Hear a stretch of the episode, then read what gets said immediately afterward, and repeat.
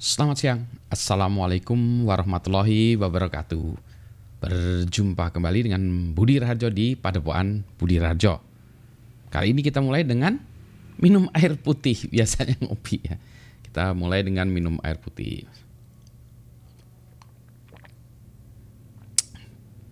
Jadi inget, inget pemain bola Ronaldo tuh ya. Singkirkan, singkirkan, taruh, taruh air putih. Saya biasanya uh, ngopi tuh ini kenapa nggak ngopi? Karena sudah kebanyakan kopi udah dua kali ya. Jadi nanti kalau nambah lagi jadi tiga kali nah nanti di reserve untuk nanti malam kopi yang ketiganya. Baik kita akan membahas tentang nah ini yang lagi rame. Uh, tentang uh, halal atau haramnya uh, perdagangan aset kripto. Nah itu bahasannya banyak. Tapi salah satu yang yang menarik bagi saya adalah tentang uh, uh, bahwa kripto itu tidak ada underlying asetnya gitu ya. Underlying dari aset dari kripto itu apa gitu ya. Um, oh itu bisa kita bahas lagi lebih panjang. Tapi kemudian uh, ini saya tuh sebetulnya ingin melihat dari kacamata lain soal aset.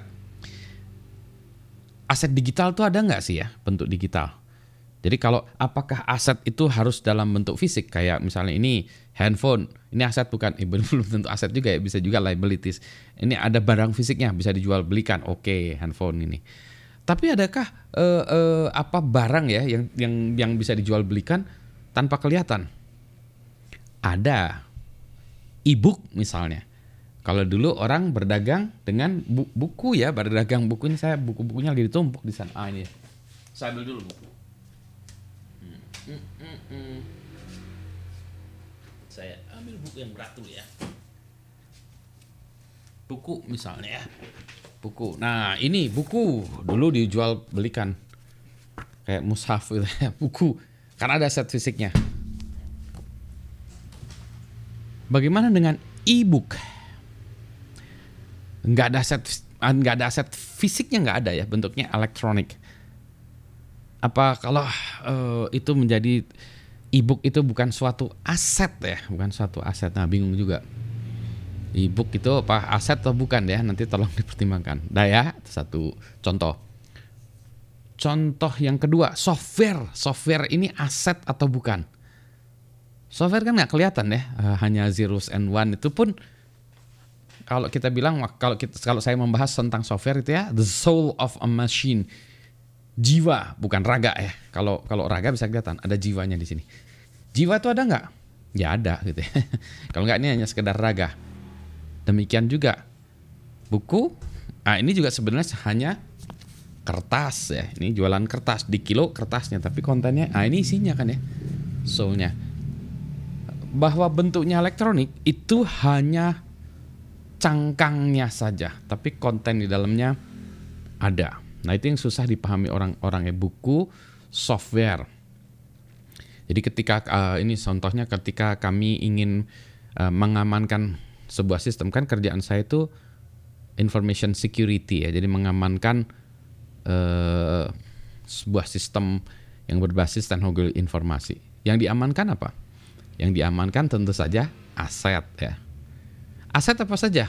Ya yang kita mulai dari hardware dulu kelihatan komputer, server, ah yang yang hardware-hardware gitu. Turun ya, itu udah susah. Turun mendata aset hardware jauh udah susah.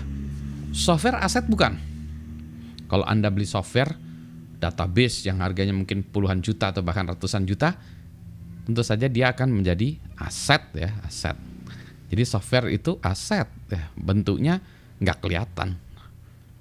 Aset gitu. Bisa dijual belikan? Bisa. Saya beli uh, software tentu bisa saya jual lagi? Ya bisa juga ya. Tapi tergantung terms of conditionnya dari itu ya kepemilikan softwarenya. Ya bisa saya jual belikan? Enggak gitu. Tapi pada prinsipnya kalau saya buat beli sesuatu ya bisa saya jual lagi. Bentuknya software.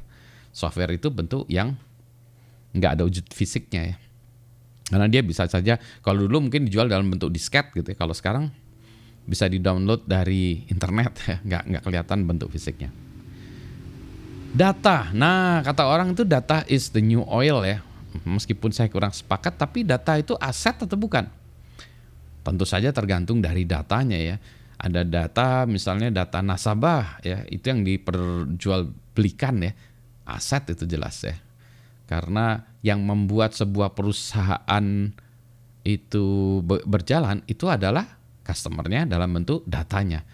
Itulah sebabnya kita mendapatkan layanan gratis dari berbagai penyedia layanan, katakanlah mungkin dari Google lah, dari Amazon lah, dari uh, Facebook grupnya dan seterusnya lagi kan ya. Itu yang yang ini uh, yang seolah-olah dijual belikan adalah data kita. Jadi data pun dapat dikatakan aset. Again, tidak semua data. Jadi, nah ini dia yang kita bentuknya bentuknya apa? Uang. Uang kertas kita dalam bentuk fisik. Sebenarnya yang penting itu kertasnya atau nilainya ya. Kan bukan kertasnya. Kalau kertasnya mungkin di kilo ya, uang uang di kilo ya. Uang itu kertasnya bukan kertasnya ya dia karena dia di kilo. Deman juga demikian pula dengan logam. Uang logam itu bukan logamnya ya. Yang menarik dari uang kertas uang kertas itu yang lebih penting salah satu aspek yang paling penting dari uang kertas adalah nomor serinya. Uang kertas nomor serinya harus berbeda di setiap uang kertas. Kalau ada uang kertas yang nomornya serinya sama berarti itu uang palsu ya. Jadi kita tahu uang itu atau enggaknya adalah nomor serinya sebetulnya.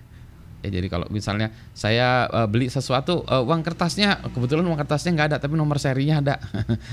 kalau memang saya dapat meyakinkan bahwa meyakin yang apa penjualnya itu bahwa saya memang pemilik nomor uh, kertas dengan nomor rekening dengan nomor serial di kertasnya itu adalah tersebut ya. Kalau saya belikan ke si orang yang bersangkutan terus orang bersangkutan itu bisa memiliki nomor serinya itu ya yang mana itu uang kertasnya itu eh saya cari dulu ya uang kertas. Ntar saya cari dulu ada uang kertas nggak?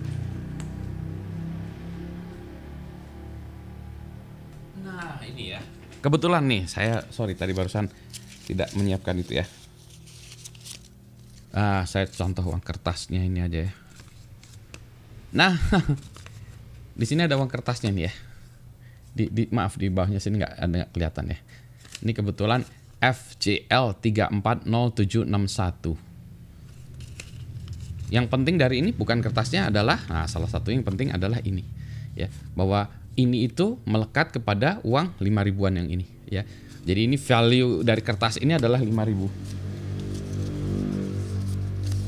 Sementara value atau nilai dari kertas yang ya ukurannya sama ya, kertasnya sama ukurannya.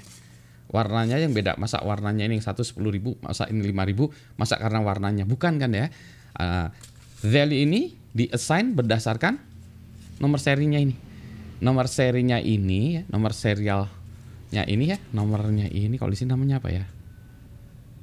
Ya, nomor seri ini melekat kepada uang 10.000 ini. Nomor seri yang bersangkutan melekat kepada uang 5.000 ini. Hal yang sama juga kalau kita bentuknya ini, bentuknya ini kertas ya. Tapi bentuknya ini kita simpan dalam tempat lain. Itu uang digital sebetulnya kan ya.